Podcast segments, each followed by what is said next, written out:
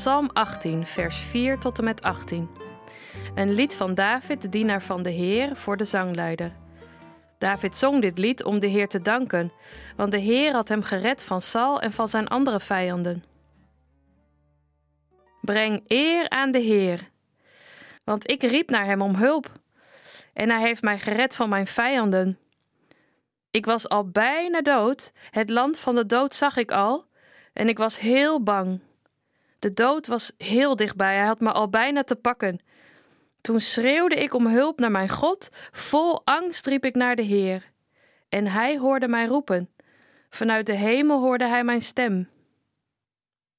Toen schudde en beefde de aarde. De bergen schudden heen en weer, want de Heer was woedend.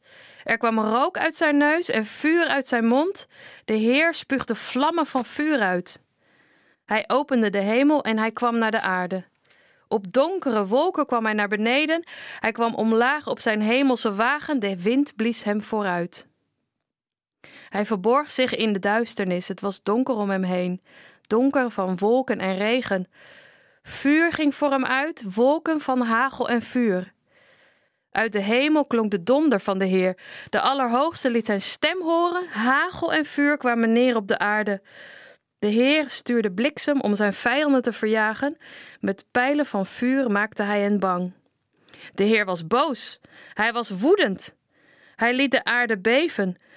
De bodem van de zee werd zichtbaar, zelfs de zuilen onder de aarde waren te zien. Zo kwam de Heer uit de hemel om mij te redden. Hij redde mij van de dood. Hij bevrijdde mij van mijn vijanden, van de machtige mensen die mij haten, die sterker waren dan ik.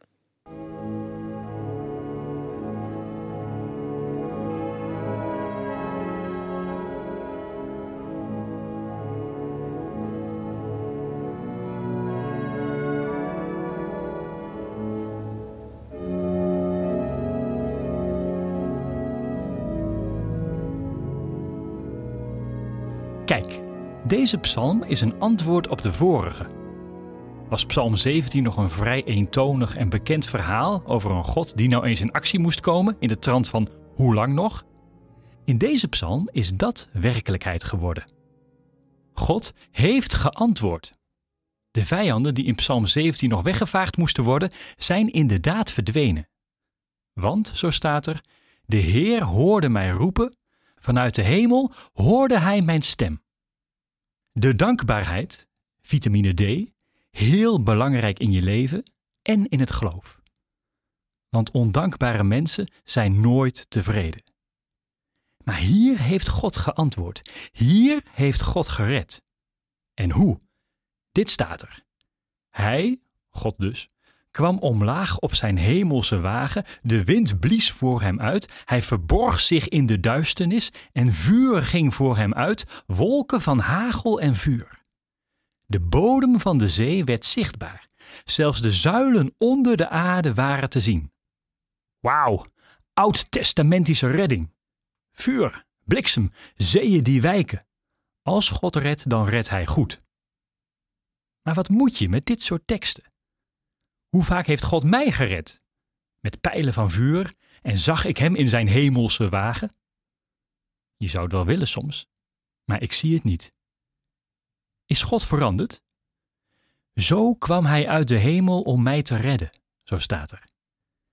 En ik denk opeens aan Jezus, die ook uit de hemel kwam, maar niet met vuur en bliksem. En Jezus vernietigde niet, hij oordeelde helemaal niet, hij kwam om te redden dus toch weer redding.